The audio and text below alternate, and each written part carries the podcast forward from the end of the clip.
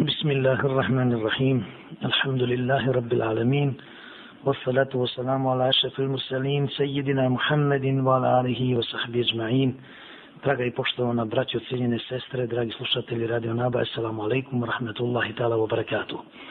Evo, kao ste čuli u ovome ciklusu od večeras, inša Allahu ta'ala, govorimo o najvećem čovjeku koji se ikada pojavio na ovome svijetu, o poslaniku Islama Muhammedu sallallahu alaihi ve sellem koji je bio hatemu nebijin, dakle poslanik koji je zatvorio kružnicu svih rani Allahovi poslanika i čovjek ko, sa kojim se naravno svi mi ponosimo i najveći ponos jeste slijediti takvoga poslanika sallallahu alaihi ve sellem, a također je veliki ponos, vjerujte i za nas, da možemo nešto kazati kao ovi siromašni, obični Allahovi robovi o najvećem njegovom robu, o najvećem čovjeku koji je kročio, hodao ovo zemaljskom pozornicom, čovjeku koga, koga su, kao što znate, slijedile milioni, milioni, milijarde ljudi kroz historiju i konačno, evo čovjeka koga sada uvažavaju, vole brojni e, milioni ljudi u svijetu i mi se naravno pridržujemo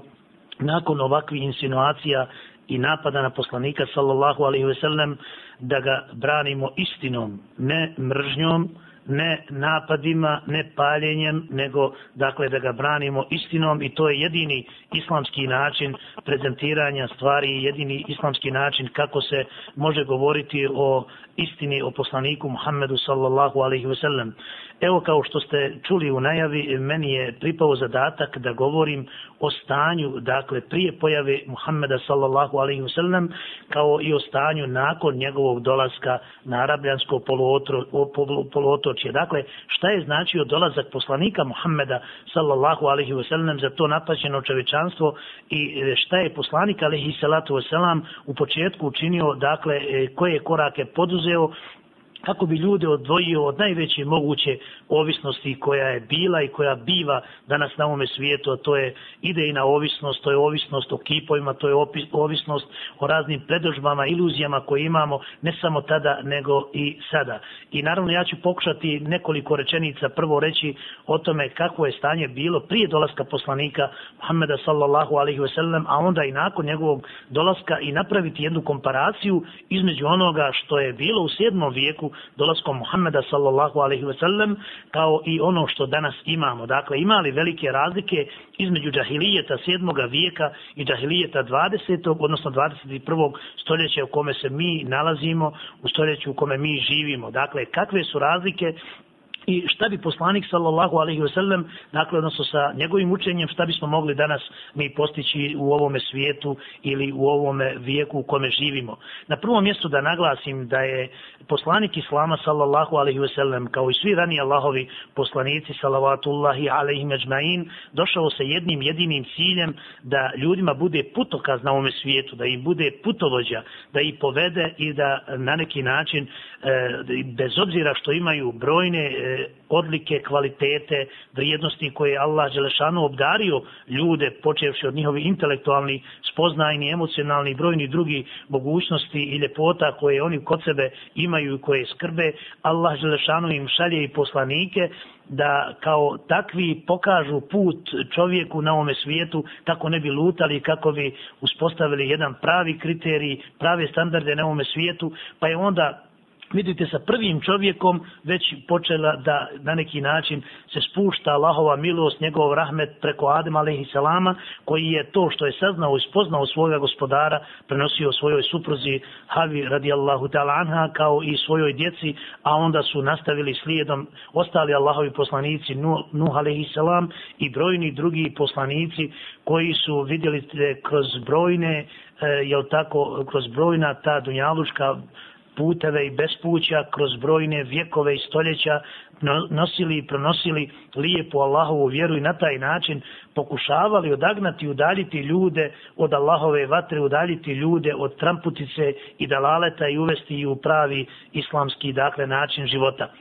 Poslanik Islama, sallallahu alaihi ve sellem, Muhammed, dakle, alaihi salatu ve selam, je samo jedna, dakle, ta karika u nizu, ti karika u lancu Allahovi poslanika, koji je također imao jedan zadatak da tu nit koju je Allah želešanu od prvoga čovjeka, od Adem alaihi salama, uspostavio na ovome svijetu, pa preko Nuh alaihi salama, Ibrahim alaihi salama i brojni drugi Allahovi poslanika, da on bude ta konačna verzija Allahove riječi, Allahove E, dakle, objave i on je došao sa zadatkom da upotpuni kompletnu objavu koja je vremenom dolazila i da konačno bude od ljudi koji će prezentirati Allahovu istinu na ovome svijetu i spasiti ljude od njegove pojave pa sve do sudnjega dana. Jedini on može biti garancija ljudima za uspjeh.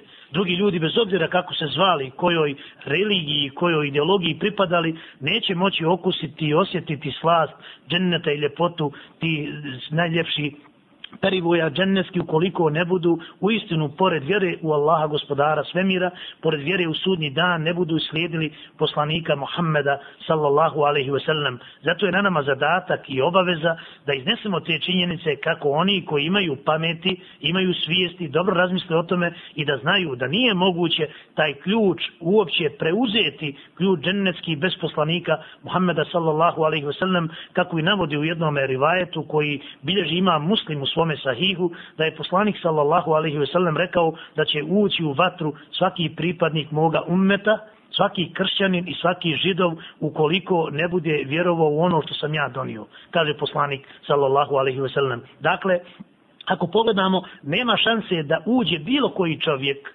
bilo koji čovjek u džennet bez ovoga ključa koji će uzeti od poslanika Islama Muhammeda sallallahu alaihi ve sellem. Zato nam je obaveza da dostavimo svim ljudima, bez obzira kakvi bili, bez obzira kojoj boji kože pripadali, bez obzira kojem narodu i kojoj nacionalnosti pripadali, mi smo dužni to da dostavimo, da kažemo, da iznesemo, jer su oni dužni to prihvatiti, jer na kraju neće imati u istinu sreće, bez obzira što svako od nas govori da ima, da niko nema neku vrstu monopola nad istinom, ovdje se jasno zna da taj ključ dženneta jedino nosi poslanik Islama, Muhammed sallallahu alaihi ve sellem, naravno nakon svi rani Allahovi poslanika koji su to nosili, pronosili, donosili i nakon iskrivljavanja i falsificiranja Allahove Đelešanu objave, onda je poslanik Islama Muhammed sallallahu alaihi wasallam došao i obnovio sve ranije dakle božanske objave koje su dolazile i poslanika, e, dakle poslaničke ranije je jel tako ideje koje su iznosili koje su pronosili on je u konačnoj verziji islama jasno uspostavio i nama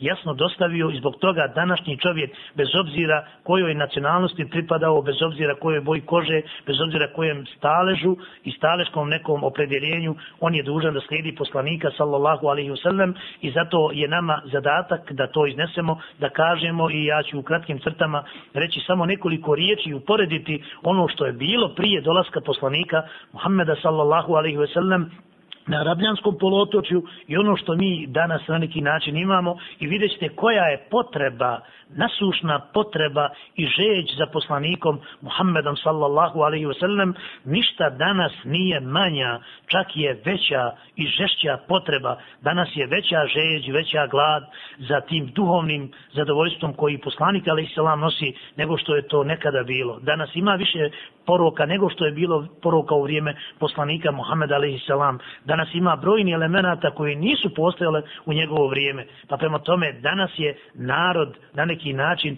obavezan da odagna od sebe sve te elemente i današnji savremeni čovjek koji je ostao gladan, koji je duhovno osakaćen, osiromašen, jedino može naći svoj put, svoje puteve, svoj način, dakle povratka istinskim vrijednostima ukoliko se vrati Allahovom poslaniku Muhammedu sallallahu alaihi wasallam i njegovom nepatvornom učenju koje su islamski učenjaki, učenjaci kroz historiju poput muhaddisa i velikana islamske riječi uspjeli sačuvati, iznjedrili kroz ova historijska, jel tako, bespuća i donijeli na svojim plećima, u svojim glavama, u svojim dijelima, u svojim knjigama, u svojim hadijskim zbirkama, donijeli do nas i mi imamo načina, imamo sreće i zadovoljstvo da čitamo ono što je vezano za našeg poslanika Muhammeda sallallahu alaihi ve sellem.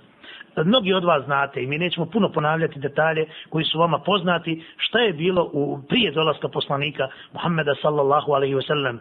Dakle, arabljanski poluotok, da, Arapi, u kakvom su stanju bili? To su bili ljudi bez kulture i civilizacije u onom e, smislu riječi koje su recimo posjedovali Perzijanci, Bizantinci, ono što posjeduje danas Evropa, Zapad i slično tome. Dakle, to su bili ljudi koji su uglavnom bavili stočarstvom, i koji se bavili uglavnom trgovinom. Nije bilo neke materijalne razvijene kulture, jedino ono što su imali razvijeno to je bila Kaaba koja se nalazila u Mekki. Sve ostalo je uglavnom bilo na jednom e, minimumu ili nije uopće ni e, vrijedno spomena.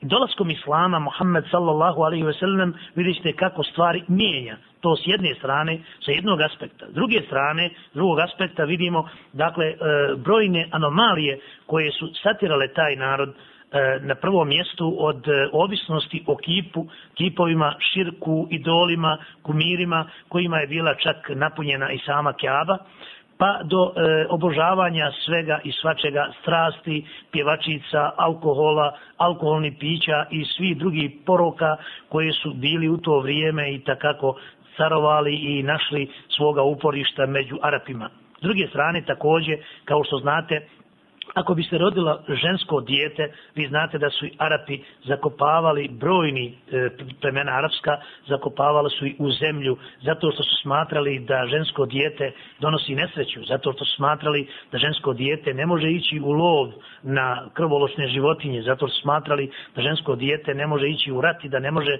puno doprinositi, a samo oduzima hranu i na faku ljudima i onda su smatrali jednom vrstom negativne pojave, jednom vrstom lošeg znaka E, i preznaka kada bi se rodilo žensko dijete, pa su brojni Arapi zakopavali svoju živu žensku djecu u zemlju kada bi im se rodilo, kako Kurani Kerim kaže, namršti bi im se lice, odnosno čelo, kada bi im se rodilo žensko dijete. A onda poslanik, sallallahu alaihi ve sellem, sa, dakle, vizijom Islama koju je Allah Đelešanu objavio i dostavio putem njega, jasno pokazuje kako čovjek treba da nastupi, kako treba da gleda i na, dakle, žensko čeljade kao i na muškarca i da tu uopće nema razlike među njima i da ima i dijete žensko, dakle, sasvim normalno pravo i sve, sve obaveze i dužnosti kao što ima i muškarac i da nema praktično razlike između muškarca žene osim što ima razlike u bogobojaznosti, osim što ima razlike u nekoj biološkoj, naravno, funkciji, jer žena može da rađa, čovjek ne može,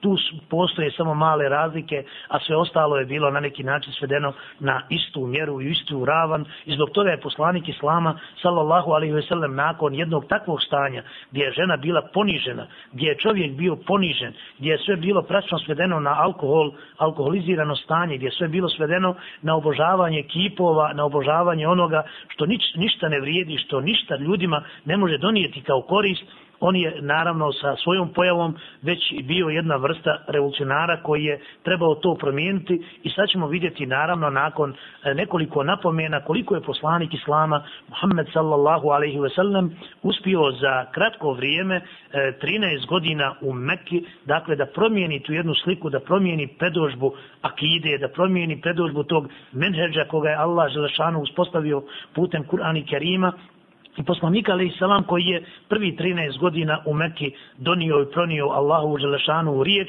i uspostavio mehanizam koji treba da vlada na ovome svijetu kako bi ljudi postali u istinu robovi Allahovi, a ne robovi ljudi. Jer to je bila njegova odlika, osnovna zadaća poslanika Muhammeda sallallahu alaihi ve sellem da izvuče ljude iz zulumata ili nur, dakle iz raznih tmina na svjetlo.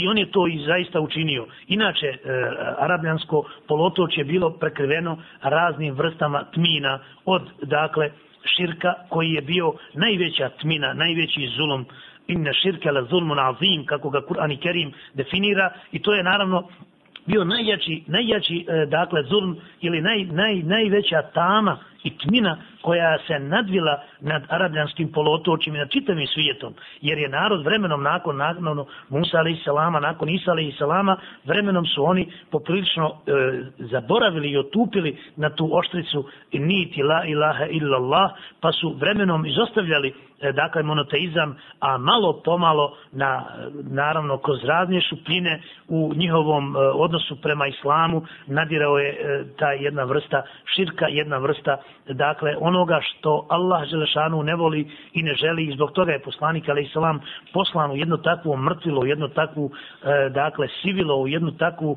mrašnjaštvo da pokuša izvesti ljude naravno sa Allahom Želešanu izunom i sa odgojem koga je Allah Želešanu uspostavio e, putem Džibril Emina koji je djelovao na poslanika ali i salami koji ga je stalno nadzirao i na taj način uspostavio dakle čovjeka koji će sa najboljim metodama, najperfektnijim metodama, sa najhumanijim idejama uspostaviti dakle to svjetlo koje će obasjati na prvom mjestu Meku, iza toga Medinu, a iza toga naravno i čitav svijet.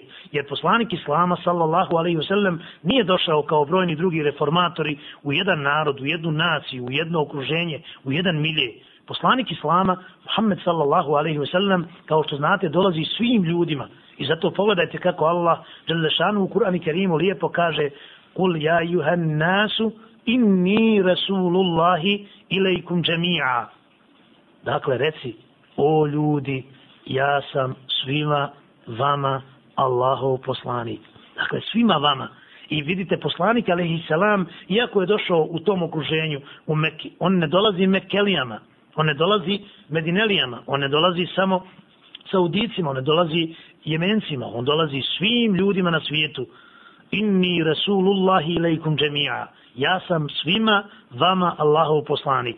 Dakle, on dolazi svim ljudima, svim rasama, svim klasama, svim, dakle, socijalnim, jel tako, onaj, strukturama i na taj način pokušava da sačini jednu jedinstvenu cjelinu koju Allah Želešanhu, jel tako, onaj, je odredio da učini poslanik, ali salam, i on je to zaista i učinio. I u takvim okolnostima u kojima je, dakle, caravalo sve ono što danas imamo prilike vidjeti od nemorala, preko prostitucije, kafanskih pjevačica do mita i korupcije, ono što imamo danas u našem savremenom svijetu, poslanik Alihi Salam je to zaista na jedan izvanredno lijep način uspio onaj devalvirati ono što ne valja, afirmirati ono što valja, a zbog čega? Upravo zato što on nije bio onaj, dakle, svoje ideje iznosio na temelju svojih e, nefsova, svojih čejfova, svojih nekih predožbi, nego zato što je ta objava došla od gospodara svjetova, koji zna čovjeka, zna pred islamskog Arapa, ali Boga mi zna i čovjeka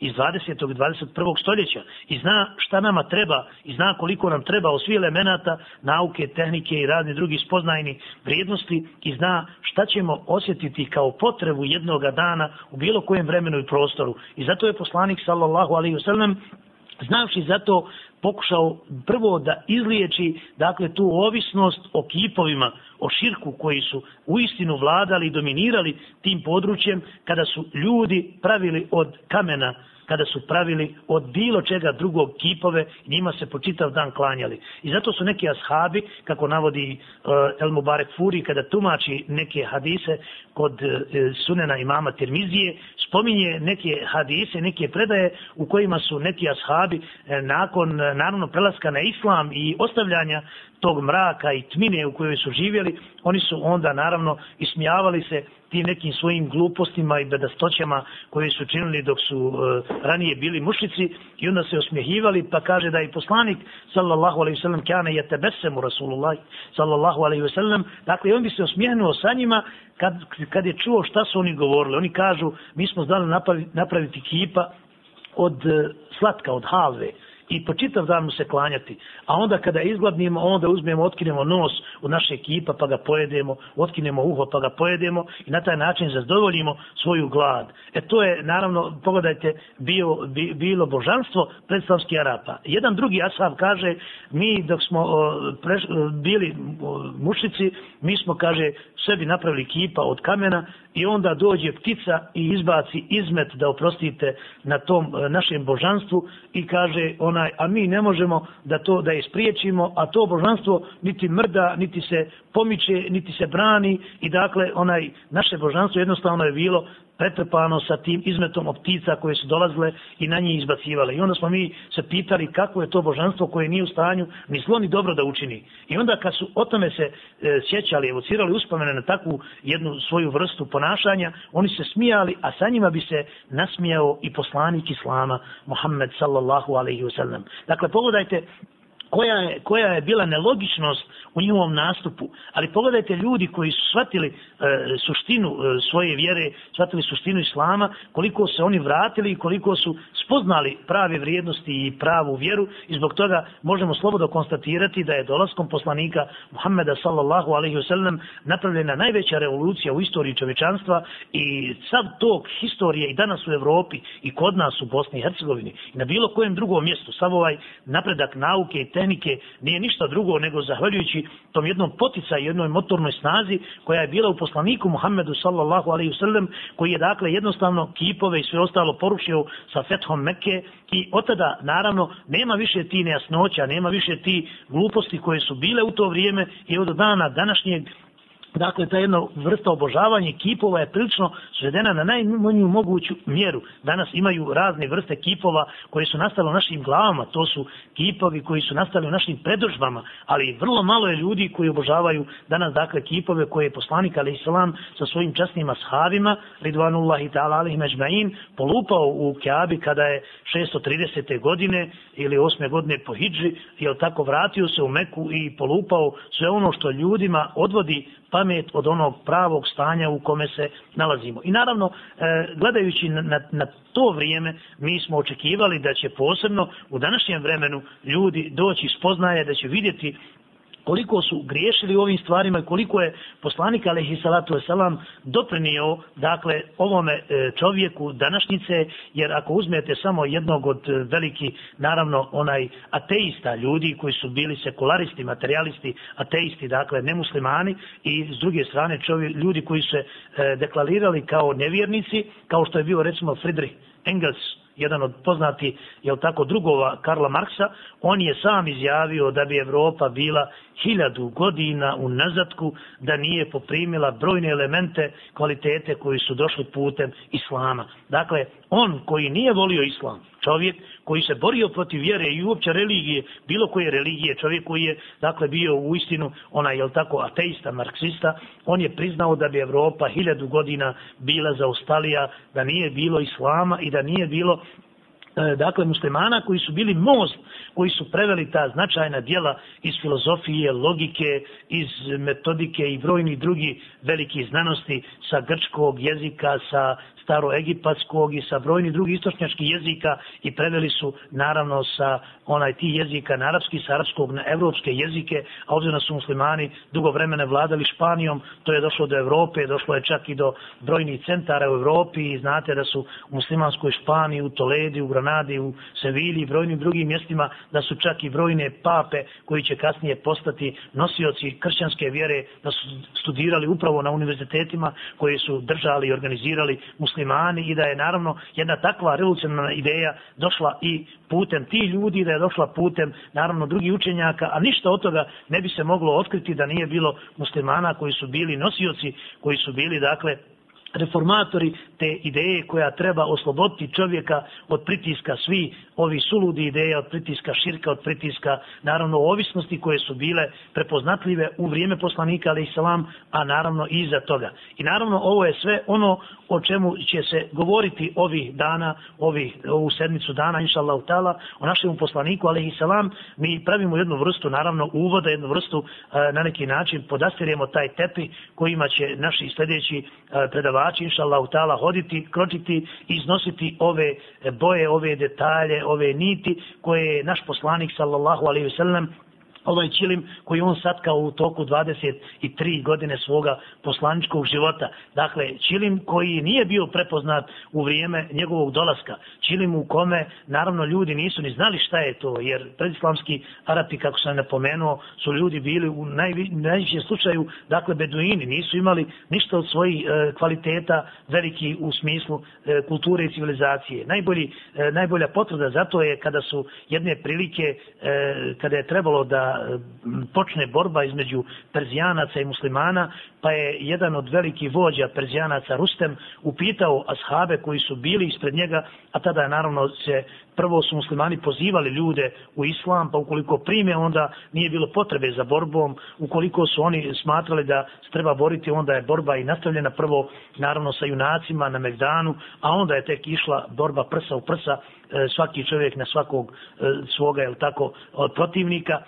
I onda kada su razgovarali, kada je Rustem njima pitao uh, ashabe koji su bili emiri ti uh, e, bitaka, pitao je, dobro, zašto se vi borite? Evo, vi ste Arapi, kaže Beduini, vi obično se bavite samo trgovinom i imate ovce, koze i onaj, ne znam, deve za kojima idete.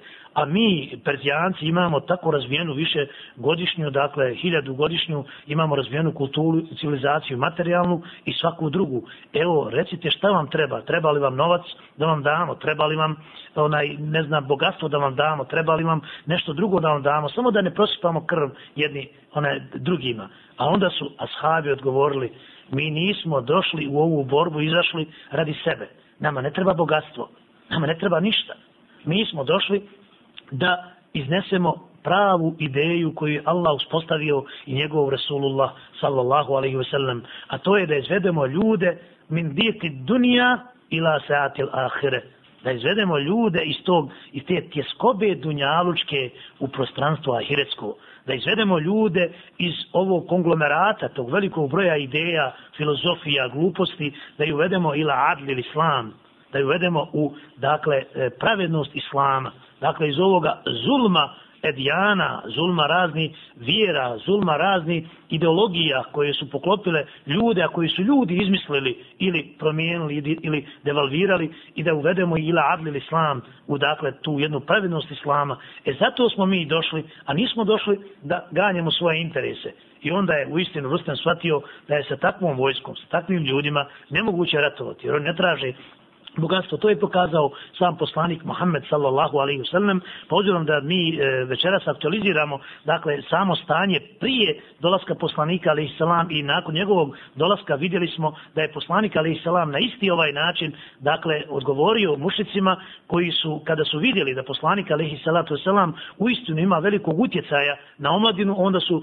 pokušali da ga podmite, jer to danas rade u čitavom svijetu. Vidite, ako ima kvalitetan čovjek, pokušavaju ga na razne načine kupiti, podmititi. I to rade čak sa muslimanima. I zato ne treba da vas čudi što se nekada desi da neki musliman kaže nešto što nije u suglasju sa Allahovom vjerom jer je sve na neki način danas uglavnom e, e, kako bi rekao posljedica tog jedne vrste potkupljivanja. I oni su znali mušici i ostali koji nemaju vjeru jednog jedinog Allaha koji nemaju vjeru u onaj svijet koji nemaju dakle svijest odgovornosti na onome svijetu da će čovjek odgovarati za sve ono što učini što uradi I da nije ništa vrijednije nego jedna, jedna posebna dakle, duša koja dođe Allahu i smije da pogleda u njegovom barek biće onoga dana kada se jedino gospodar svjetova mogne gledati u džennetu, odnosno na onome svijetu.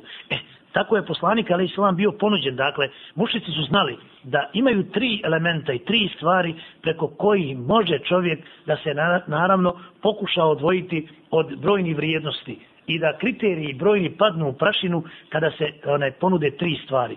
To je ta moć e, vlasti, moć bogatstva i moć na neki način osobe suprotnog spola.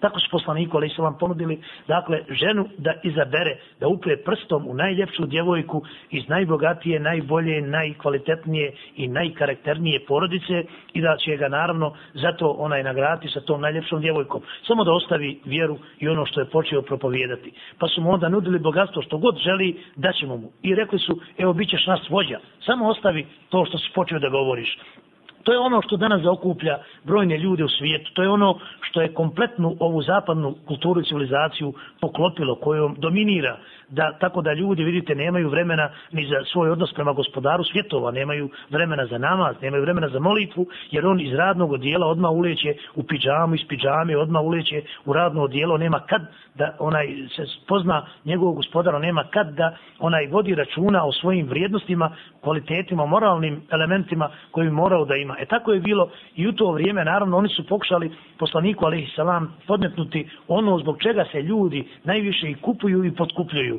Ali pogledajte, ovdje najbolji dokaz i razlog da je poslanik, Alehi salatu Veselam u istinu bio uh, Allahov izbor, da je on bio taj koji je bio očišćen od tih elemenata i natruha raznih utjecaja, on je onda izgovorio tako mi Allaha kada bi mi dali sunce u desnu, a mjesec u lijevu ruku, ja se ne bi odrekao onoga čime me Allah zadužio. E ovo je naravno ono što mi danas trebamo kao vjernici znati, osjetiti i očutiti ovu jednu snažnu poruku poslanika sallallahu alaihi wasallam, a kako i ne bi bio kada nije imao natruha od ljudi, kada nije njegova vjera bila proizvod i produkt ljudi, kada to nije bio nije produkt ovih današnjih škola i univerziteta, nego je to bila dakle produkt e, Džibrilove, Džibrilove uh, dakle terbijeta, Džibrilovog odgoja koga je on imao kod poslanika alaihi salam, zato lijepo imame Sem'ani spominje hadis da je poslanik ali selam rekao eddebeni rabbi fahsene ta'dibi moj gospodar me odgojio i najbolji mi odgoj dao. Ovaj hadis imam sujuti ocjenjuje kao Hasan predaju, što znači da je kvalitetna predaja koju poslanik alaih salam dakle kaže moj gospodar me odgojio i najbolji mi odgoj dao edebeni rabbi fahsene te'dibi. I pogledajte sad ovu jednu lijepu, finu konstrukciju kojoj znamo da ne možemo pogriješiti, da ne možemo skrenuti sa pravoga puta, da ne možemo otići u dalale tako slijedimo ovoga poslanika, alaihi salam, koji nije bio, vidite, pod utjecajem ovi razni šarlatana koje mi danas imamo, koji stalno siju jednu vrstu sihra, jednu vrstu ti e, zarazni ideja koje imamo danas u svijetu, nego je bio odgajan i nadziran strane gospodara svjetova putem Džibril Emina, tako da nije mogao pogriješiti nije mogao ljude uopće one dovesti na jedan rub propasti kao što je danas čovjek doveden u ovom vremenu i prostoru i mi ćemo naša, inša Allah, o tome nastaviti nakon jedne kratke, kratke pauze koju ćemo imati s jednom kratkom ilahijom, a onda ćemo ovim svim elementima i aspektima, inša Allah, govoriti kasnije. Prvo pitanje, e, koliko su muslimani u Bosni džahili po pitanju islama?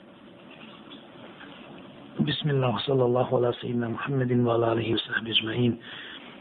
E, naravno, e, danas muslimani poprilično e, dobro znaju brojne stvari, imamo brojne podatke i brojne informacije o islamu, ali ja prije svega rekao da nisu puno muslimani džahili po pitanju islama informacija, ali su puno inertni i rekao bi da jedna vrsta stagnacije postoji u primjeni onoga što se zna. Jer ne bi se reklo da mi e, ne poznajemo puno informacija, ali bi rekao da puno ne radimo po tim informacijama. To je ono što je za nas značajno jer je e, na neki način razvojeno, razvojeno ono amen u amilu salihati. Čovjek koji vjeruje i koji kaže da vjeruje i koji poznaje određene elemente u posljednje vrijeme, nažalost vidimo da nema puno primjene ili sretne sinteze i harmonije, kako bi rekao Rahmetli Mustafa Busulađić, koga su partizani 45. godine ubili u Sarajevu i Mezar mu se danas ne zna, da je rekao da ne bi ni 14 godina e, na neki način misija Islama ostala, da je Muhammed a.s.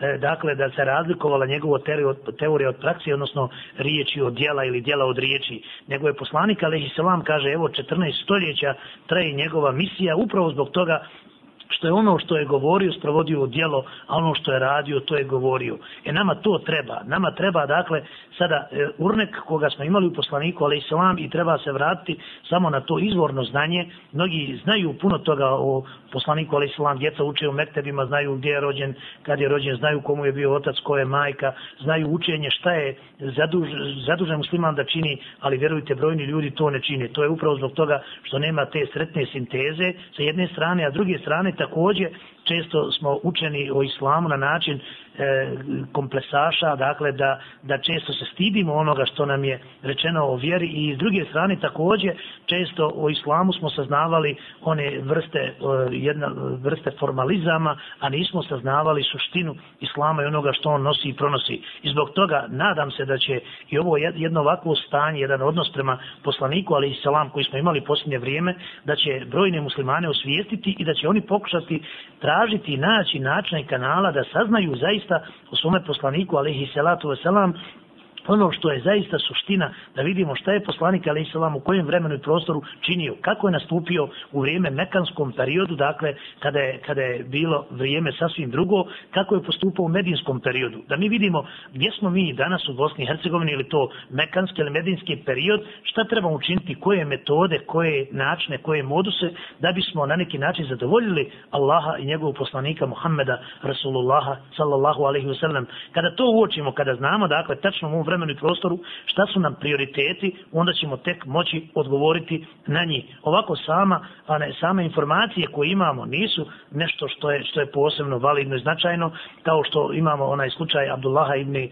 Mes'uda radijallahu talanu, kada kaže da je umro Omer mate, Omer o mate mahu tisatu ašare ilmin, umro je Omer, a sa njim je umrlo je devedesetina znanja.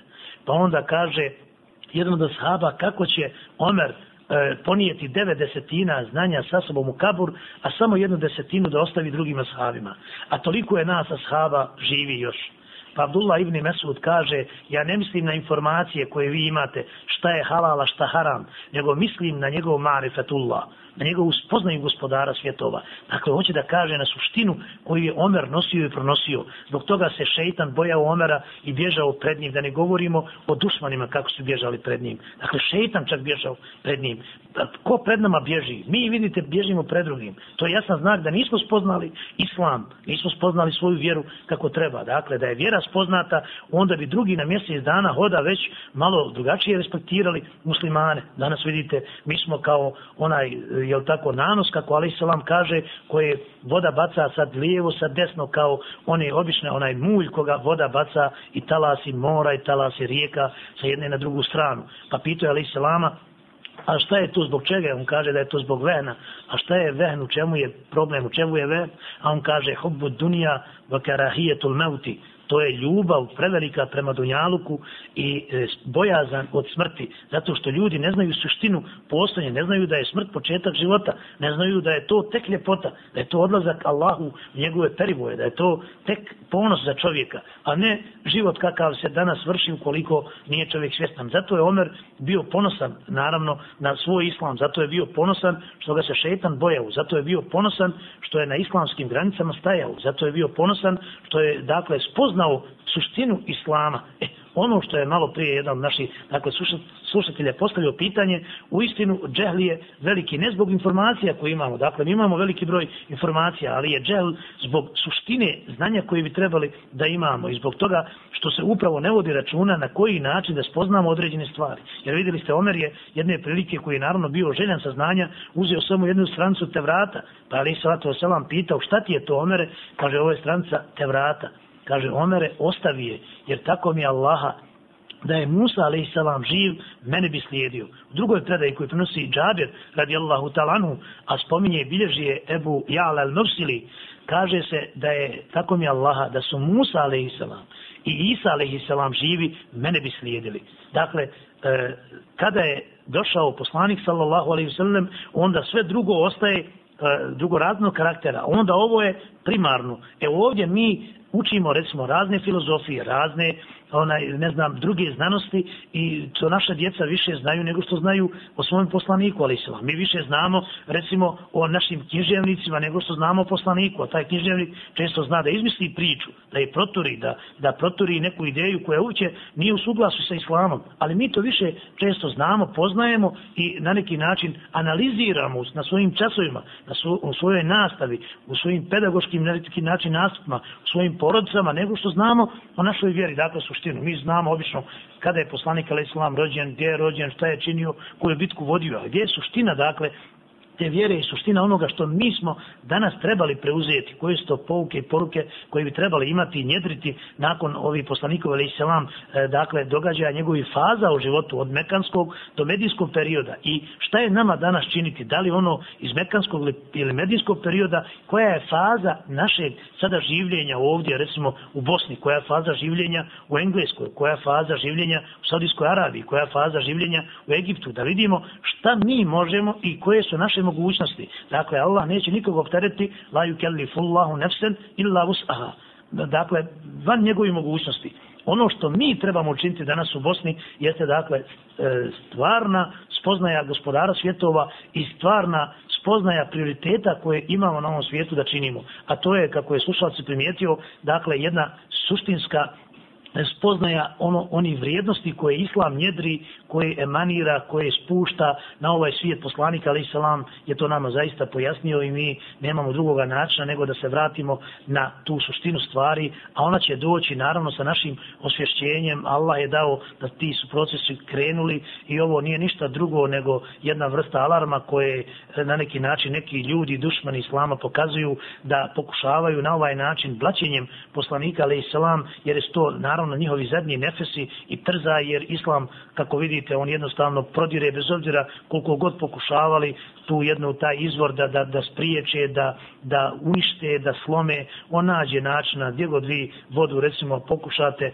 cementirati, asfaltirati, zacementirati, ona probije, vidjeli ste ljudi napravi autoput, pa ispod njega opet prorovi voda. Nema šanse ovu Allahovu vodu koja je došla putem poslanika, ali i se spriječiti, ona će sve ovaj dunjaluk izliječiti. I jedino ona ima i šansu da bude pravi eliksir lijek za ljude. I zato je samo nama zadatak da spoznamo da ta voda u istinu liječi, da znamo da ona nije zamućena.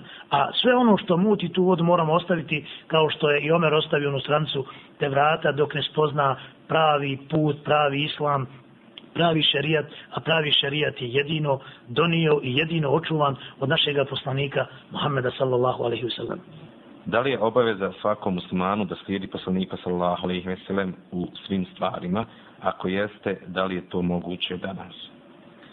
Naravno, jasno se spominje u brojnim ajetima, Allah Želešanu kaže da je obaveza sljeđenja i pokoravanja Allahu njegovom poslaniku Ja juha allazina amenu atiju Allahe ati atiju Rasul. Brojni su ajeti koji počinju na ovaj način i prema tome Allah Želešanu jasno i dvosmisleno decidno govori o tome da treba slijediti i pokoravati se njemu njegovom poslaniku. Čak u jednom ajetu kaže Men yuti ir Rasula fe kada je ta Allah ko se pokori poslaniku, taj se pokorio Allahu. Jer mi se ne umijemo pokoriti Allahu da nije bilo poslanika ali salam. Da nije bilo poslanika ali salam, mi ne bismo znali ni klanjati. Da li bi udarali šakama, da li bi dubili na glavi, da li bi bili na leđima, da li bi skakali, da li bi vrištali, da li bi plakali, mi to ne bi znali uraditi, nego je poslanik ali salam rekao sallu kema rejtumuni u salli. U jednom vredoslovnom hadisu kome se kaže klanjajte kao što vidite mene da ja klanjam. Huzu anni menasikekum. Uzmite od mene obrede hađa.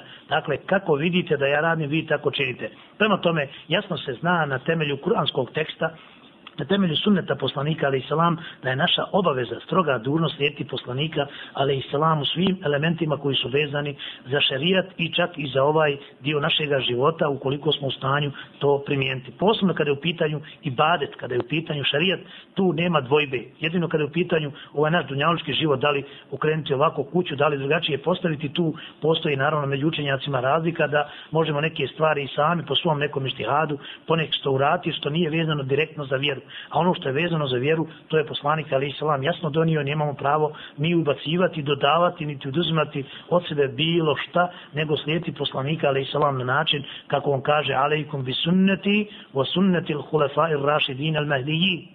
Dakle, držite se moga sunneta i sunneta pravedni halifa nakon mene, to se misli naravno prije svega na četvoricu Ulefaj Rašidina i naravno dok su muslimani slijedili taj put, onda je sve bilo gut, sve bi bilo dakle u redu i bilo je u redu, međutim čim su počeli da slijede svoja mišljenja, svoje predužbe, kad su počeli da slijede krnjave ideje koje ljudima naumpadnu i koje su produkt, proizvod ljudi i ljudskog mišljenja i promišljanja, naravno da je došlo do ove, ovog izvitoperivanja koje imamo danas u svijetu.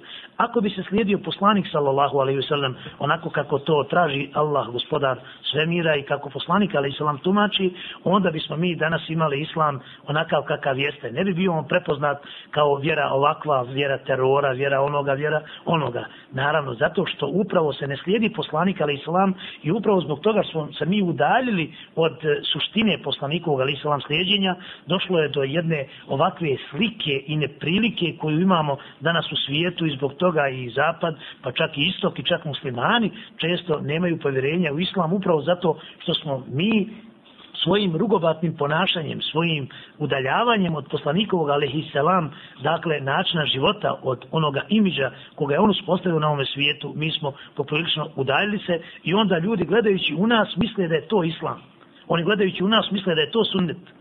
Međutim, mi smo poprilično udaljili se od tog koncepta i zbog toga je obaveza vraćanje na sunnet, oživljavanje sunneta u ovom vaktu i zemanu je fard ajn za svakoga muslimana, jer ko oživi sunnet, on naravno će biti posebno nagrađivan. Tamo se čak spominje u jednoj rivajetu da su moje halife nakon mene, oni koji oživljavaju sunnet. Imamo prilike, dakle, da zadobijemo imi hilafet na neki način, to jest nagradu kao što su imali halife, koliko oživimo sunnet u ovom vremenu, kada je on umrtven, kada oživimo suštinu, dakle, sunneta i onu substancu koju je poslanik, ali islam, iznosio, a ne samo elemente da znamo ponešto iz, iz tog vremena i perioda i da to prepričavamo, da to u metevima djecu učimo. Mi treba da živimo sunnet, treba da osjetimo sunnet, treba da oćutimo sunnet u svojim srcima, u svojim dušama, u srži svojih kostiju i da pokažemo drugima kakav je sunnet. Jer prvi muslimani koji su pokazali gdje go su dolazili, oni su osvajali svijet mi gdje dođemo, mi smo postali jedna vrsta surogata, mi smo postali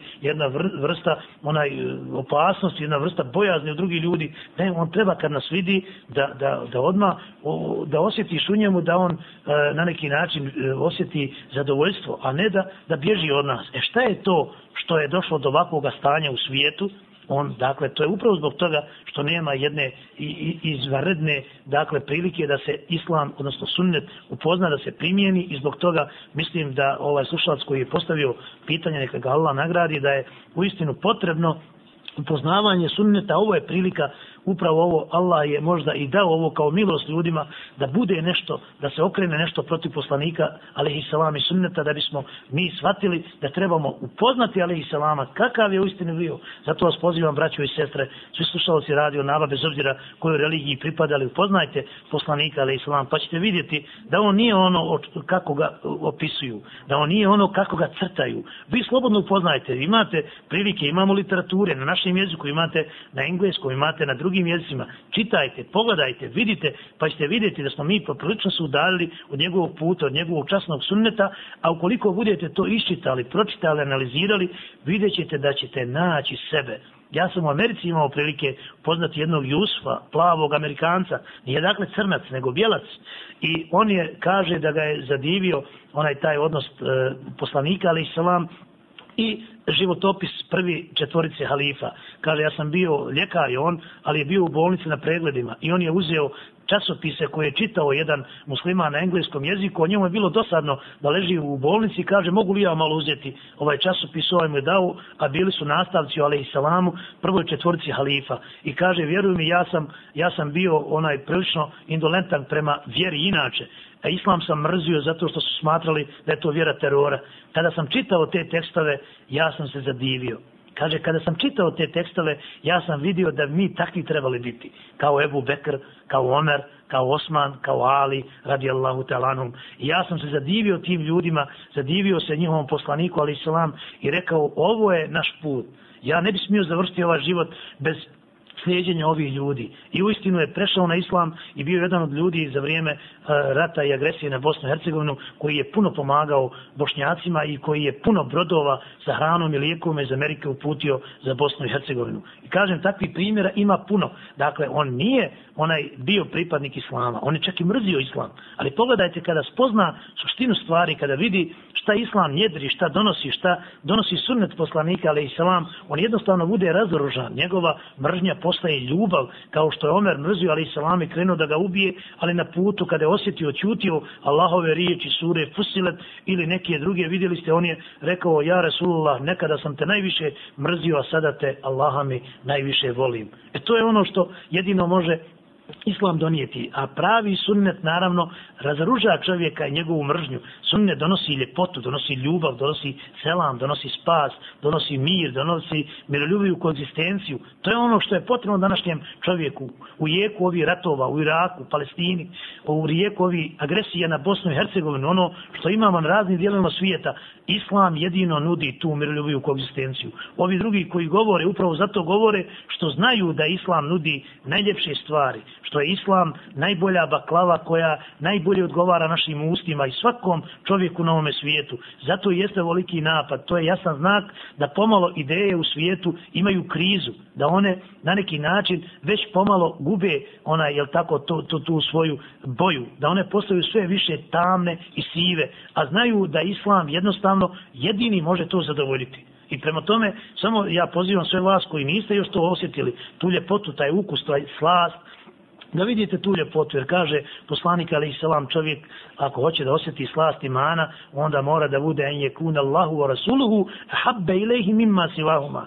Da mu Allah njegov poslanik ali salam, budu draži nego sve ostalo. E mi to još nismo osjetili često, brojni od nas, zato je vrlo bitno da osjetimo to, da tu ljepotu osjetiš pa ćeš vidjeti onda kako se sve stvari redaju, kako sve kockice dolaze na svoje mjesto, kako taj mozaik biva ispunjen sa tim pravim elementima i kako osjetimo tu ljepotu koju ne možemo osjetiti nigdje, ni u disku, ni u klisku, ni u kafani, ni u mejhani, ni na univerzitetu, nemate nigdje, ljepote nema nigdje, ti, te divote koju može jedino Islam da pruži i ljubav prema Allahu i ljubav prema njegovom poslaniku Rasulullahu sallallahu alaihi wasallam.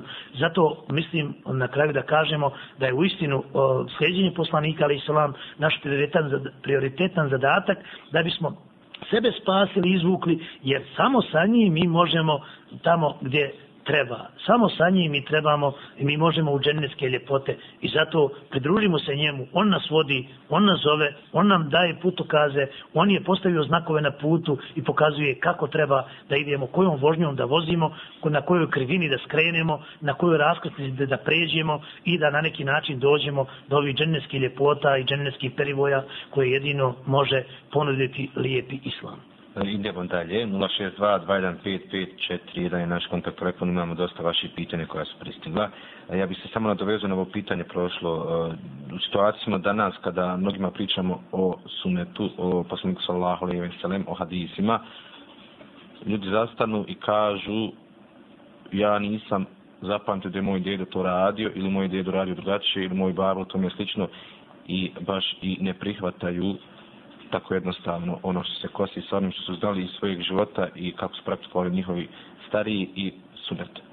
Naravno, ako je e, praksa e, koja je bila i prethodna u suglasju sa šarijetom, dakle, mi ćemo to naravno nastaviti sa nekim blagim izmjenama, jer mnoge stvari kod nas su, kod naših pradeda i pranana, su na neki način u skladu sa islamom i njih treba očuvati naravno i njegovati jer su oni do nas i donijeli jer da nije njih 500 godina da nisu on čuvali očuvali tu žišku islama da ne se ne bi ni bilo. Međutim to ne znači da mi nemamo neki e, falsifikata nemamo neki stvari koje su vremenom uvedene i ono što vremenom se uvede mi to trebamo naravno očistiti isto kao što imate evo vidite onaj naše hanume gledaju da očiste televizor ovi momci koji rade na kompjuteru trebaju svoj računar malo nekada da očiste jer dođe vremenom prašina. Nemoguće da vi koristite godinu dvije računar vaš kompjuter da na njega ne padne prašina. Nemoguće da imate televizor da na njega ne padne prašina. Nemoguće da imate regal a da na njega nekada ne padne prašina. Dakle, moramo to nekada očistiti i de,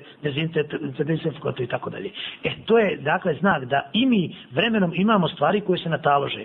I zato je Allah Želešanu kako Ali Islam kaže, onaj naravno svaki sto godina slavu obnovitelja svaki sto godina i dakle u jedan narod da obnove, odnosno tu prašinu te insinuacije, te e, jel tako, e, kako bih rekao, kalemljenje koje je vremenom stiglo da se pomalo očisti. I to ne treba da nas puno muči, jer evo pogledajte, mi nekada imamo na svom tijelu, imamo tijelo koje nam je Allah dao, nekada imamo strani, recimo onaj strano tijelo koje nam se pojavi, imamo neku izraslinu. Hoćemo li mi trpiti tu izraslinu, nešto što nam smeta? Ne, to je nešto što nam je nadašlo ili neka prljavština koja dođe, imaju sapuni, imaju deterđenti kojima se to skida. E tako šarijat ima dakle svoje viđenje. On hoće čovjeka, Allah hoće čovjeka čistog. Evo vidite mi kad šaljemo čovjeka na onaj svijet, da li bio džunut ili ne bio, mi njega okupamo imam njega lijepo ili onaj gasal ga lijepo okupa. Zašto? Želimo da ga pošaljemo čistog pred Allaha gospodara sve mira. Pa zar mi ne treba da čistimo svoju vjeru i ono što dođe kao natura, a dođe svakome čovjeku, uvijek se nešto nabaci. Zato, ali i salam, i kaže, vidjeli ste da onaj sada kad fitr se daje za vrijeme Ramazana, upravo da očisti nešto što nam je došlo svjesno ili nesvjesno ušlo u naš post i malo ga okrnjilo. I to je znak. Također zikr nakon namaza koga obavimo, jedna vrsta onaj e, poliranja, sređivanja, čišćenja namaza. Dakle, jer nešto uvijek čovjeku naumpadne što ne bi možda trebao da mu naumpadne u namazu, i onda to sa zikrom čovjek na neki način očisti. Tako i ovdje, dakle, sa e, našom sviješću da će vremenom biti ubačeno. Nemoguće je da kroz tolika stoljeća ne dođe nešto što nije od islama, nešto što dođe kao e, produkt nekog sela, nekog džemata, nekog mjesta, nekog čovjeka, nekog uticaja, jer evo vidite i mi sami, ko sve nije studirao od, e, ne znam, Rijada preko Medine do Londona, Vašingtona, Moskve. I normalno da tu ima uticaja. Onaj koji je bio u Moskvi ima moskovski uticaj, onaj koji je bio u Medini ima medinski uticaj, onaj koji je bio u Beogradu ima beogradski uticaj, koji je bio u Sarajevu ima sarajevski, prema tome ovdje onaj, na neki način e, ima ti razni boja i dezena, obzirom da je islam bezbojan, mi trebamo pomalo te boje sklanjati, nama ne treba u islamu kolor, islam je toliko lijep da je on sav ono, u lijepim šarama, najljepšim i Allah ga je dao takvim. I mi ćemo se truti naravno da sve očistimo ono što je došlo, ali na jedan lijep, e, fin način, ne treba to raditi silom, nego imaju, naravno vidjeli ste hiruzi koji otklanjaju ono što, što je vremenom na taložu se došlo ili nekakva operacija koja se treba izvršiti, treba specijala za to uradi, tako i mi trebamo vidjeti šta, u kom periodu se može otkloniti i kako na jedan najbezbolniji način, tako da nakon tog otklanjanja jedna vrsta, jel tako, onaj, kako bi rekao, poravka može da se, a ne da čovjeka kad tomu učinimo, kada onaj e, operiramo e, bez stručnosti, kao što imate ljudi, ako vidi da je čovjek čovjek ugrožen, on uzme nož i kaže da ja tebi rasječem stomak, da ja vidim šta tebi tamo fali unutra, možda ti je neki kuršus nastao među sredima i onda čovjek, naravno, ako bi mu razrezao stomak, on bi ga na taj način ubio.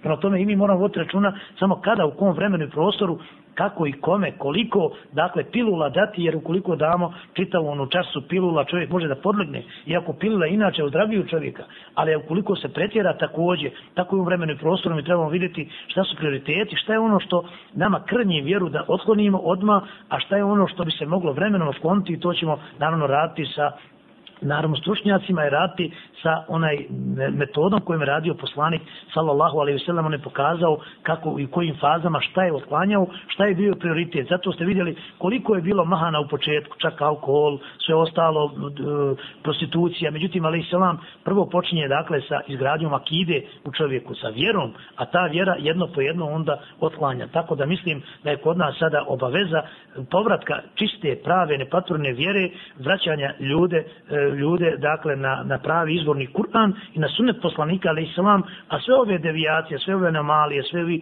nedostaci, oni će se vremenom inša Allah utala jedan po jedan da oklanjaju. Poštovani slušatelji, vi koji ste se nakon uključili, večeras je prva emisija u ciklusu upoznaje svog poslanika, gost predavač je doktor Šefi Kudić. Mi nastavno dalje sa vašim pitanjima. Da li se vaš uvažen gost slaže sa mnom da skromnom znanju bošnjaka o islamu doprinose i oni koji su dužni da pričaju o islamu, a oni su to shvatili kao i svaki drugi posao, oni koji rade recimo od 8 do 3. Na primjer, u Sarajevu ima toliko džamija, a samo se u njih par održava predavanja. Našem narodu se slabo priča o islamu. Ovako nije to stanje samo kod nas, to je u čitavom svijetu i u većini zemalja, naravno, a to i jeste posljedica ove stagnacije i ove letargije u kojoj se danas muslimani nalaze. Upravo zato što je džamija izgubila svoj svoj dakle prvobitni smisao. Jer džamija u vrijeme poslanika Muhammeda sallallahu alaihi wasallam, njegova džamija u Medini pa i ostale džamije kasnije u islamskim svijetu, islamskim centrima su bile dakle e, prve učione, prve molione u kojima se i molilo i klanjalo i zikr činilo, u kojima su ljudi saznavali, učili, to su bile prve medrese, prvi univerziteti, to su bile prve bolnice, to su bile prvi parlamenti. Prema tome, džamiji se mora vrati uloga i smisao koja ona ima. Džamija u arapskom znači od džemea, znači skupiti. Prema tome, tu se narod skuplja i zato je Ali Salam njemu su donosili djecu da im tahnik učini u džami. Oni djeci na djevo imena u džami. Dakle, djete kada se rodi dođe u džamiju i kada su ispraćali čovjeka na dženazu, to je bilo i džamije, kada ljudi klanjaju namaz pa izađu pa klanjaju dženazu namaz, isprate svoga vrata do njegovog zadnjeg, dakle, u zadnju tu stanicu, do zadnjeg staništa od njegovog kabura. Dakle, sa e, rađenjem se ulazlo u džamiju, sa smrću se izlazilo iz džamije. Danas su, naravno, džamija je zaobiđena. Odvojni ljudi imate imate ljudi koji nikada ne uđe u džamiju. I normalno onda, kako ćemo očekivati jedno poboljšanje stanja i kod nas i u svijetu, ako je to tako.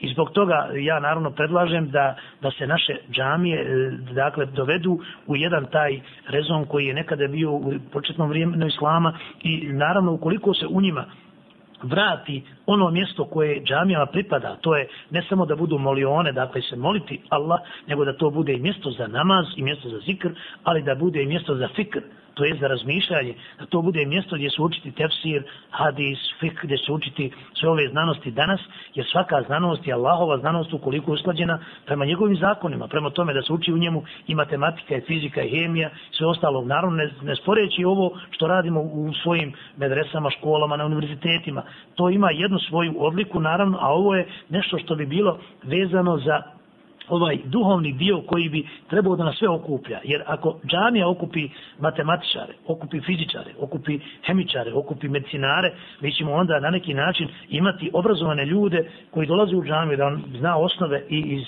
tefsira, iz hadisa, iz fika, ali Boga mi da zna i osnove iz prve pomoći, da zna osnove, recimo, onaj matematičke osnovne stvari, jer imate ljude koji nema šanse da ode u školu, da imate ljude, studente koji bi rado da studiraju, ali nema novaca da je mogao da studira. Evo mu džamija, jer tu će ljudi dolaziti kao što je bilo u prvo vrijeme Islama, svi stručnjaci, svi oblasti koji dolaze u džamiju, naravno on će podučavati ostali narod svim ostalim znanostima i bar će imati utemeljenje u tome. Osim toga, džamija treba prije svega toga da njedri pravi moral i pravo islamsko obrazovanje. S druge strane, džamija će biti mehanizam očuvanja morala i moralnosti kod ljudi. Jer vidite, Poslanik Ali Islam kaže da kakvu nagradu ima čovjek koji stalno ide u džamiju, kakav ima nagradu onaj koji uzme propisno abdest i onda iščekuje namaz do namaza. I zamislite kada mi čekali onaj koji nema drugog, recimo onaj posla, nije zaposlen. Danas imamo, evo, vidite, kod nas problem nezaposlenosti, ljudi kukaju. A zamislite kad bi on došao u džamiju pa iščekivo namaz, pa tu čuo nešto hajra, pa čuo neki hadis, pa čuo ajet. U najmanju ruku on će da bude sačuvan, da ne ode u nešto što se naziva alkohol, da ne ode u nešto što se naziva droga i ostale toksikomanije, da ne ode u brojne druge e, anomalije, on će bar biti sačuvan i to jeste smisao i svrha džamije, jeste smisao i svrha namaza, da čovjeka odvrati inna salate tenha anil fašaj wal munker, kaže Allah Želešanu. U istim namaz odvraća od onoga što je loše, što ne valja. I vidite, namaz bi bio taj koji bi nas odvraćao, a između namaza, onaj koji nema drugoga posla, mogao bi. Vjerujte, evo, braćo moja i cijenjene sestre, ja, mene duša boli od ove, ove naše omladne koja provodi vrijeme u kafanama i mehanama. Vjerujte da to vrijeme provede u našim džamijama. Vjerujte, za dvije godine svaki omladinac i mladinka mogu postati hafizi Kur'ana. Mi bi na ovaj način imali punu Bosnu hafiza Kur'ana. Mi imamo punu Bosnu sad drogeraša, pijanica i bludničara zahvaljujući tome što smo džamije pretvorili u kulturno-istorijske spomenike, a ne u univerzitete koji morali da budu.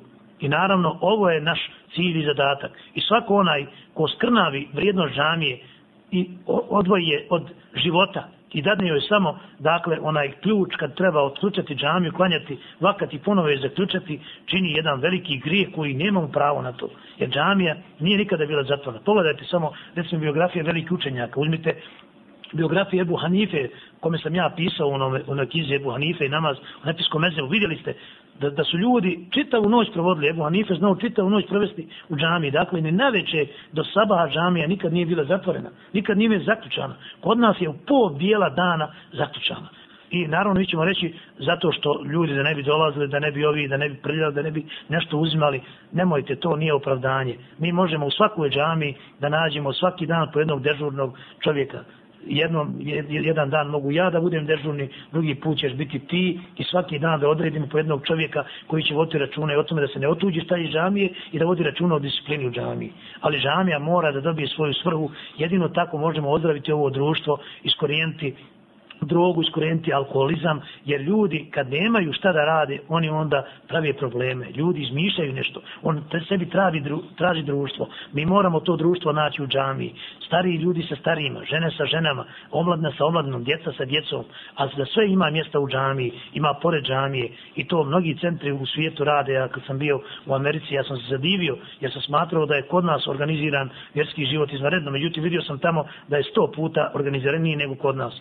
Kod njih imaju pri svakom centru u Americi, islamskom centru i džami, imaju, imaju jednu vrstu obdaništa, imaju jednu vrstu klaskalica za djecu. I tamo majke kad dođu gledaju filmove o islamu, djeca imaju svoju dakle, raju s kojom se zabavljaju, a to su sve naravno muslimani, oni koji tome kliniraju. Omladna ima svoja mjesta imaju pri džamijama, dakle, određene prostore u kojima mogu da, da poigraju stoni tenis ili nešto drugo. I prema tome, oni slobodno vrijeme tu provode. I provode slobodno vrijeme gdje nema psovke, provode slobodno vrijeme gdje nema alkohola, provode slobodno vrijeme gdje nema nemorala. I to je ono što, što može ozdraviti naše društvo. A mislim, džamije, zar može išta biti ljepše od naših džamija uz koje bi trebalo praviti jednu vrstu ovi naši, jel tako, dodatni, e, e, kako bi rekao, prostora gdje ćemo sačuvati našu omladinu jer vjerujte, kad je sačuvamo tu, onda ćemo daleko manje, daleko manje ulagati u liječenje tih bolešćina, bolesti poput side, poput ovi svi onaj strahoviti bolesti koje imamo danas u svijetu, a to je upravo zbog toga što je zapostavljen ovaj odgoj i što je zapostavljena uloga džamije. Mi ćemo nastaviti dalje, imamo još pitanja, tri slična pitanja, tako ću ja sva tri pročitati koliko današnji mediji doprinose lošoj slici na muslimanima, da li naši učeni, ugledni muslimani svojim autoritetom mogu dopriniti da se promijeni odnos medija prema muslimanima?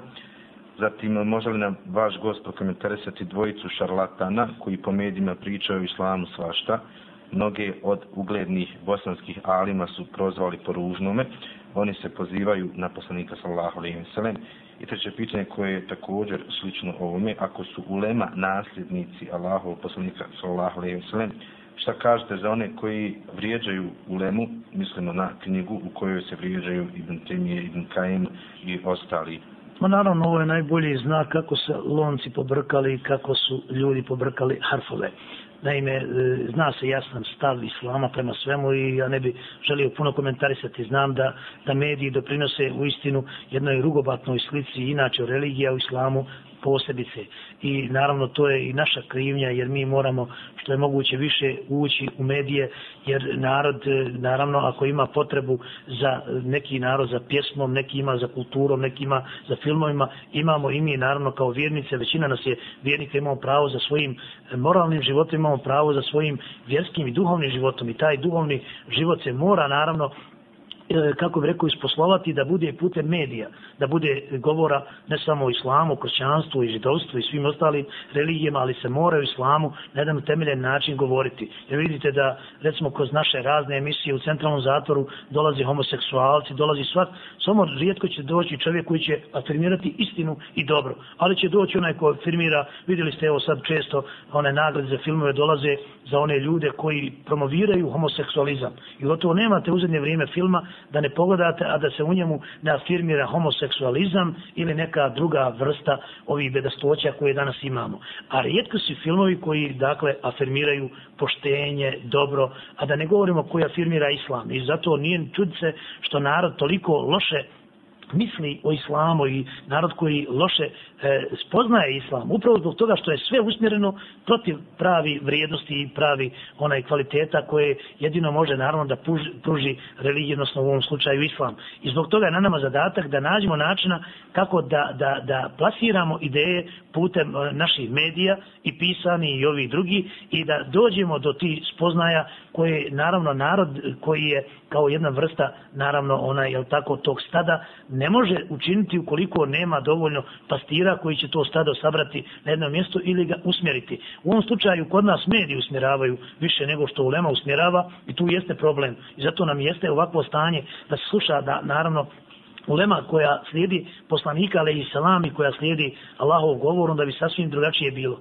Nego upravo evo vidite e, brojni šarlatani dolaze i na radio na televiziju od homoseksualaca do oni koji na neki način predstavljaju evo vidite islam u jednom ružnom liku i obliku koji optužuju i devalviraju sve ono što vrijedi i ono što valja. I zbog toga naravno na nama je zadatak da svi svojim e, kanalima svojim mogućnostima svojim utjecajem radimo na tome da koliko je moguće islam predstavimo nakav kakav jeste i da se pokuša slijediti dakle ona ulema u istinu koja poznaje šerijat, a ne oni koji onaj optužuju sve i svakoga i kod nas, što bi rekao šej Muhammed El Gazali, rahmetullahi alehi, koji umro prije nekoliko godina, on kaže, nahnu duat, lesna bi kudat, mi smo daje, nismo kadije. Mi dakle treba da pozivamo ljude, a ne da presuđujemo. Jer šta će onda raditi Allah na sudnjem danu? Vodite računa, braći, o tome. Ako mi optužujemo ljude, ako mi osuđujemo ili presuđujemo, pa baš, šta je onda, šta će Allah raditi? Mi smo već presudili, mi smo već potpali po džehennemu tamo hiljade ljudi već do sada kroz istoriju i evo dan danas. I to je to je znak da, da se čovjek kvarta ono što nije njegovo. Jer šta ćeš u moravu ako ne znaš da plivaš? I misli, treba voditi računa o tome, jer ćete miliona ovaj, strujanja odvesti na drugu stranu, a nas nažalost odvode i to jeste cilj nekome naravno i ko stoji za toga. Ja u to neću da ulazim, samo znam da to nije uopće islamski princip, to samo može da bude neislamski princip i to je ono što nikako ne ide u prilog islamu muslimanima. I zato smo mi dužni, zato što onaj često onaj, na neki način imamo šanse da djelujemo na medije, da djelujemo na to da mediji što više promoviraju prave vrijednosti, pravi kvalitet, pravi moral, a imamo način naravno i to da, da pokušamo uraditi kao što imamo danas evo ovi lokalni medija preko koji se može djelovati da se afirmira istina. Jedan od tih medija naravno i ovaj naš mediju radio Naba, hvala Bogu. E prema tome sad treba u svakom mjestu naći načina i prostora da se kroz te medijske kuće nešto kaže kvalitetno, lijepo, o, dakle afirmativno o, o našoj vjeri, odnosno o elementima kojima ljudima treba, a to je ljudi su opustošeni, duhovno opustošeni, oni su psihički ubijeni, oni su slomljeni, njima treba vjere, njima treba morala, ovaj narod pati od, od nemorala, zapadu ne možemo ponuti puno nauke i tehnike, ali možemo ono što oni nemaju, to je akida, to je Allahov menhež, to je put koji oni nemaju i oni će otići, naravno i svi, mi sa njima zajedno u toj lađi koja je već probušena i buši se na hiljadu načina, mi ćemo zajedno s njima otići, istrovaliti se i potopiti se gore nego Titanic. Jedini način jeste da vratimo dakle e, način e, i u naše medije, u naš kompletan život, da vratimo tu moralnost, tu duhovnu e, raspojasanost koja je ovamo izgubljena, e, kako bi rekao, duhovnu tu puninu koja je izgubljena, a ovu jednu vrstu ove, kako bi rekao, duhovne praznine koja je već ukazana i na medijima i u našem životu, vidite da, da, da, da u istinu te prave vrijednosti ne vidite i nigdje prave vrijednosti koje, koje su najljepše, najfinije, koje mogu jedino ovo savremeno čovečanstvo koje se nalazi na bespuću i na samoj ivici kataklizme mogu da vrate u prave redove, tamo i nema. Vidite po našim emisijama ko se dovodi, šta se afirmira od naj, oni loših stvari, elemenata, od najvećih štetnosti, negativnosti, anomalija, do, evo vidite, ovi svi bedastoća koji ima ovih dana i na televiziji, na radiju. A ono što vrijedi, što je lijepo, ono što je univerzalno vrijedno, poput istine ljubivosti, istine, pravde, ljepote, toga nažalost nemate i to jeste najveći onaj znak da je šeitan osjetio da islam galopira, da nadire, da prodire, da dolazi, da će doći. To svidjelo se drugima, ne svidjelo nama, ne svidjelo, svidjelo to. Allah je proces postavio i on dolazi islam dolazi i vojstvo islama je tu, prema tome nikoga ne može zaustaviti i zbog toga jeste ovo, kao što vidite u svijetu, jedna velika nadiranja, jedna velika mržnja, a mržnja dolazi upravo zbog toga što, što znaju da nemoguće zaustaviti tu ljepotu i ovu slast koju pruža naša lijepa vjera i zbog toga su svi naravno ustali da onaj na neki način pokušaju spriječiti ovo jedno raspirivanje vjere imana u ljudima, a to vidimo svakim danom u čitavom svijetu sve više omladne u džamijama, sve više omladne koja ostavlja te anomalije koje imamo, samo nažalost što, što mi koji smo odgovorni za to često onaj e, znamo da prespavamo, a da mi ne učinimo jedan svoj korak da bismo i mi pospješali na tom planu. Pa eto, nadati se da će i ove naše hvala Bogu, emisije i naši apeli uroditi plodom i nadati se da će naravno i našoj zajednici, kako vidimo, ima određeni pomaka, inša Allah, da će to sve više i više uroditi plodom i da ćemo jednoga dana, naravno, e, Islam predstaviti u njegovom pravom liku, obliku i njegovoj pravoj punini i cijelini, inša U najavnom dijelu večerašnje emisije kazali smo da ćemo raditi do 22 sata, ali imamo dosta vaših pitanja, pa ćemo što sada pokušati i odgovoriti na neka koja su pristigla. Salam alaikum, alaikum salam. Želim reći da danas mnogi muslimani često govore o Božjem poslaniku sallahu alaihi wa sallam, također se nadmeću u pamćenju hadisa, ali nisam siguran da se vladamo po naučenom to je ono što smo imali prilike ranije čuti, dakle, često imamo brojne informacije, znamo podosta u našoj vjeri, ali Boga mi u primjeni vrlo malo od toga sprovedemo. I zbog toga e, ja apeliram naravno na svakog od nas, da ono što zna pokuša sprovesti u svome životu. Upravo jeste poslanik, ali Islam uspio zbog toga što je ono što je govorio, to je radio. A ono što je radio, to je govorio. I uopće nije bilo nesuglasja između riječi i dijela, između teorije i prakse. To mi moramo pokušati uraditi i naravno bolje da čovjek zna tri hadisa da ih primjeni u životu, nego da ih zna hiljadu, a da nijedan od njih ne primjeni u životu. Zbog toga je na nama zadatak dakle, da to ubrizgavamo u svijest sebe, svoji porodice, svoje djece, da znaju i kada dijete počinje da uči jedan hadis da kaže sine primjeni od toga nešto. Pa tako kad primjeni da nauči drugo. Jer Abdullah ibn eh, Mesud i brojni drugi ashabi su govorili da nisu učili nikada više od deset ajeta. Kada nauče deset ajeta, onda i primjene u praksi, pa onda su išli dalje. Tako se kaže da je je Abdullah ibn Omar radijallahu talanhuma, za koga se kaže da je najstriktnije slijedio poslanikov ali islam sunnet i njegov životnu, životnu praksu, kažu da je učio suru Bekaru deset godina, a bio jedan od najinteligentnija shaba. Zašto je učio deset godina? Zato što kaže jedan mufesir da se u suri Bekara nalazi oko hiljadu farzova, naredbi oko hiljadu zabrana harama. Trebalo je dakle te narede primijeniti u životu, trebalo se harama kloniti, pa je Abdullahu ibn Omeru trebalo deset godina da to sve ukomponira, da sve primijeni u praksi i onda je išao na druga sureta i učio i na pamet. Tako ja predlažem naravno neka hafiza, oni trebaju da budu, da, da imamo hafize koji pamti Kur'an, koji nose u svojim prsima, ali mi naravno trebamo što je moguće više kad zapamtimo jedan ajet ili hadis da ga primjenimo u praksi, kada naučimo jedno fisko pravilo, jedan šarijatski, ne znam, propis, da ga primjenimo u praksi i onda će Allah dati da osjetimo i oćutimo ljepotu drugih propisa koje nismo, recimo, do tada primijenili. Sljedeće pitanje koje nam je pristiglo, koliko smo dužni da izučavamo siru, to jeste životopis poslanika sallahu alaihi sallam to je obaveza koju ne smijemo izostaviti, jer upravo kroz siru mi saznajemo za faze i metode poslanikovog alaihissalam života. Jer ne može se samo na temelju hadisa slijeti poslanik alaihissalam, jer često ljudi ne znaju kada je hadis recimo izrečen. Tako postoji u tefsiru sebe bin zul, tako postoji u hadisu sebe bin vrudil hadis.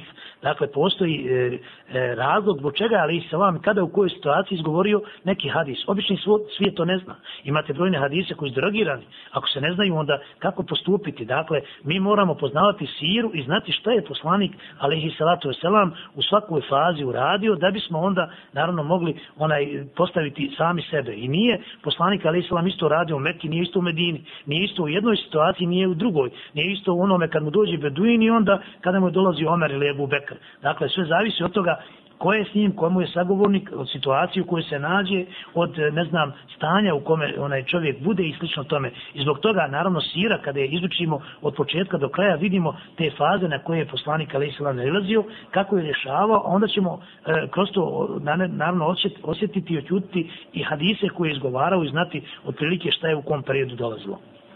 Sljedeće pitanje, koliko je novotarija u islamu opasna i koliko se kod bošnjaka praktikuje novotarija?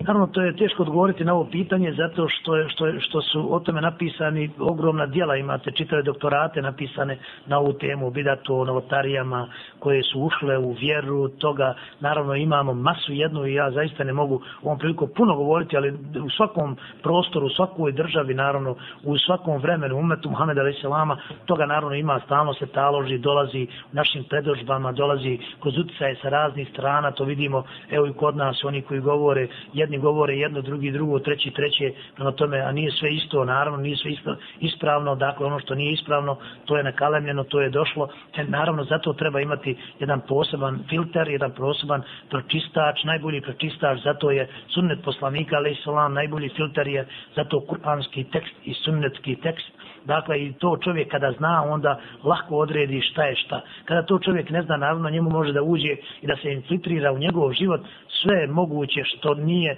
ni u stanju da shvati i da razumije. I zbog toga mislim da mi spoznajom Allahove riječi, spoznajom sunneta poslanika, ali i salam, učenjem njegovih hadisa i sire poslanika, ali i salam, najbolje ćemo moći odagnati od sebe sve ono što nije u suglasu sa islamom, što je vremenom nataleženo, što je došlo i naravno to trebamo raditi što je moguće više, bolje i zato ako nismo mi često, evo to poručujem našim večerašnjim slušateljima, našim roditeljima, ako mi nismo u stanju zaista bili toga dosta naučiti, evo prilike, evo mi imamo sada vjeronauku u školi, Pa draga moja braćo i sestre, evo prilike da svoje dijete uputiš da ono nauči od vjeroučitelja šta je u istinu islamsko, šta nije, šta je ono što je vremeno nakalemljeno, šta nije, jer mi smo živjeli u vrijeme komunizma, u vrijeme raznih drugih izama i normalno da je puno toga nataloženo vremenom.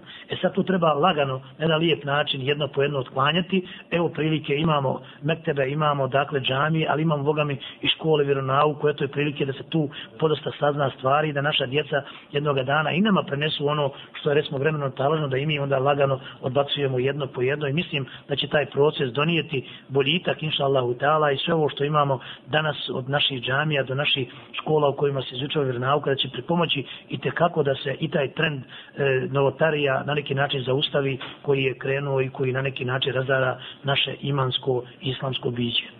Sljedeće pitanje glasi, možete nam objasniti razliku između Nebija i Resula? Pa naravno, to, to su one razlike koje e, puno ne znači Nebije, dakle, ona je tako vjerovjesnik, vjesnik, a onaj a Resul je vjesnik, a Nebi je poslanik. Dakle, onaj koji je poslan i onaj koji je donio onaj vjeru. Imate poslanike koji su, dakle, samo e, prenosili ljudima, upućivali, a nisu dobili neku od, od objava u smislu da su dobili kitab. Imate one koji su imali kitab i oni su došli sa risalom i zato se nazivaju Resulima. To je, dakle, razlika više e, akajska, pa naravno kada bude neko od ovih akajdologa, ja bih volio da mu to pitanje postavite da preciznije, bolje i ljepše objasni nego što to ja mogu činiti. Sve pitanje isto riječ tagut, možete nam to malo pojasniti. Pa tagut označava e, svaku vrstu neistine, svaku vrstu dakle uticaja šeitana. E, tagut u osnovi znači dakle negativnost, znači šeitan, znači Lucifer, znači Sotona i to je ono što suprotno dakle Allahu i njegovoj pravo ispravnoj vjeri. Tagut je nešto što odvodi čovjeka van vjere i naravno to je riječ koju Arapi upotrebljavaju. Kod nas je to sve ono što devalvira vjeru, sve ono što na neki način iskrivljuje vjeru i to je naravno onaj e, pod utjecajem Iblisa. To je, to je ta otprilike ista, ista dakle vrijednostna je tako struktura koja vodi čovjeka od prave elemenata vjere i naravno, obzirom na to arapska riječ, mi trebamo upotrebljavati nešto što će ljudima biti blisko, mnogi ne znaju kada se to spomene, ali eto da znamo, dakle, se odnosi na šeitana, na onoga koji potiče ono što ne valja, ono što obezređuje prave vrijednosti, a na drugoj strani jeste Allah, njegov poslanik, ali islam, koji afirmiraju dobro i vjernici. Šta reći muslimanima koji ne klanjaju, a kažu ja nikome ne mislim zlo, ja sam u duši dobar, može li se bez namaza zaslužiti dženetu? Mi znamo da čovjek sa priznanjem Allaha Želešanu postaje vjernik, ali naravno da može puno toga ona izgubiti ukoliko ostavi e, elemente i temelje. Naravno čovjek ne može e, sutra početi kuću da pravi i reći evo ja, meni je bitno da imam temelje. Znaš, i on izgradi temelje, ima petoro djece, ima ženu, onaj tu na temeljima, a nikad ne napravi zidove, da napravi stubove. Ali Islam kaže da je salatu imadu din, da je dakle namaz, to je stup vjere, stup kuće. Kako ćemo praviti kuću ako mi imamo stupova? Dakle, mi ćemo samo napraviti taj element da kažemo mi vjerujemo Allaha i mi nikome zla ne činimo, to isto kao čovjek koji bi doveo ženu i djecu i kiša pada, snijeg pada, a on samo napravio one temelje i kaže imam ja temelje, imam ja temelje. A žena ovamo kuka, djeca plaču, nemaju onaj djed, čime da se pokriju, viče imam ja temelje, imam ja temelje. Nisam ja na tuđoj kući, nisam ja nikome na onaj tamo, jel de, naža učinio, ja sam svoj, svoj temelj napravio. Ah, babu, neka temelja. I lijepo je da imaš temelj, ali napravi ti, moj brate, zidove, de ti malo kupi onaj tamo i vrata, pa de ti malo postaklene prozore, pa te ti malo kupi peć, pa djeci ugri, da djeca imaju gdje da se smjeste, da se ogriju, da donesi malo hrane, nek pojedu. E to čovjek koji ostavi namaz, on praktično je porušio stubove, on je porušio zidove, on je praktično samo na, na ledini, on je na temelju, on je temelj samo izgradio, ništa drugo nema. O tome nije to onaj pravi islam. Pravi islam je onaj da čovjek ima i temene, ali da ima i zidove, da ima i krov, da ima i peć, da ima gdje sjesti, da ima gdje leći, da ima šta djeci svoje dostaviti i to je prava kuća, to je pravi domaćin.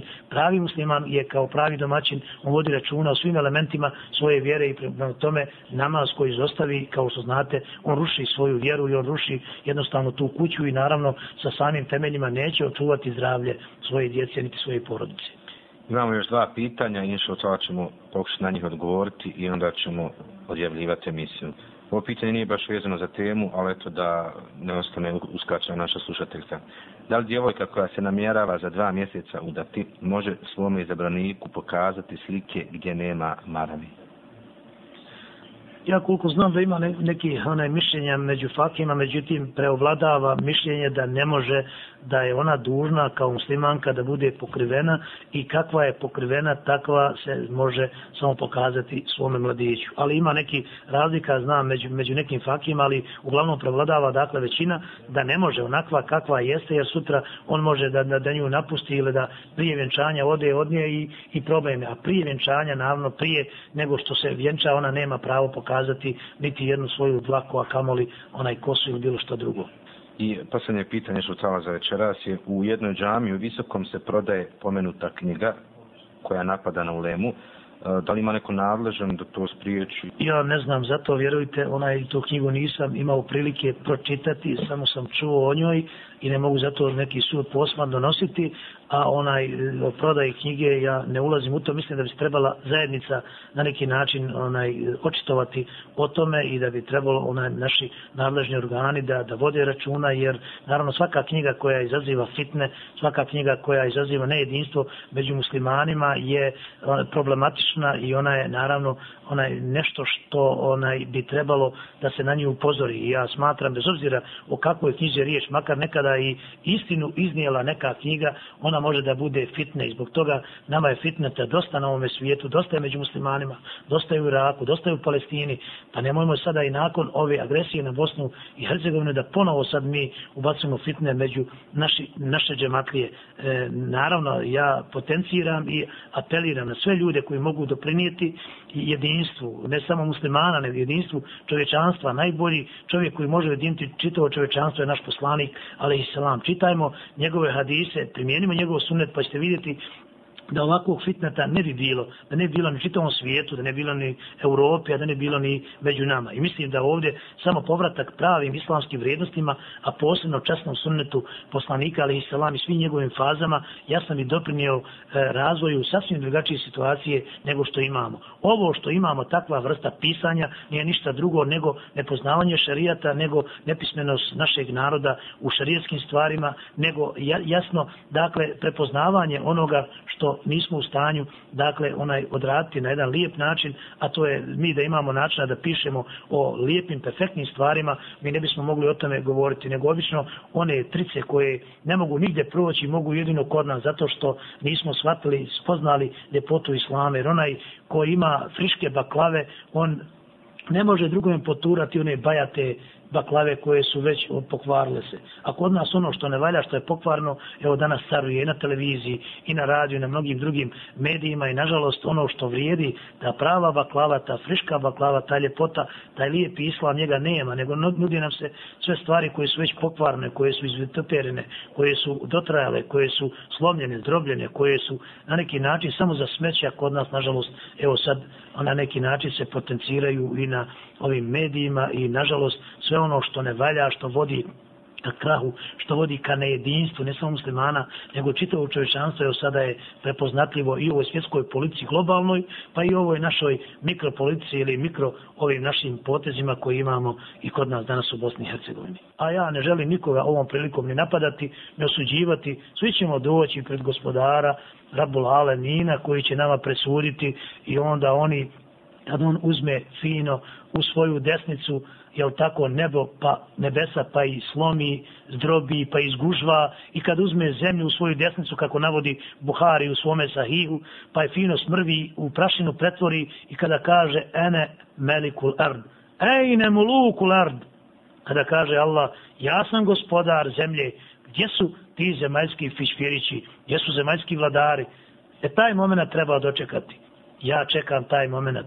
Čekam tu radost da vidim dakle, kako će Allah presuditi i zato, braćo moja, draga, vi koji ste zastranili, koji ste otišli za raznim interesima ovoga svijeta, za raznim bakšišima ovoga svijeta, vrate se sebi, vrate se svojoj pameti, vrate se svojoj vjeri, vi koji niste, naravno, spoznali vjeru, evo prilike, Allah nudi ono što je najljepše i zato mi nećemo govoriti ni protiv koga, nego ćemo govoriti o afirmaciji dobra, a afirmacije zla je zaista najviše na ovome svijetu. I zato bar ova naša kap afirmacije dobra, nadam se da će uroditi plodom. Jer nekome i kap je dovoljna, a nekome nije ništa.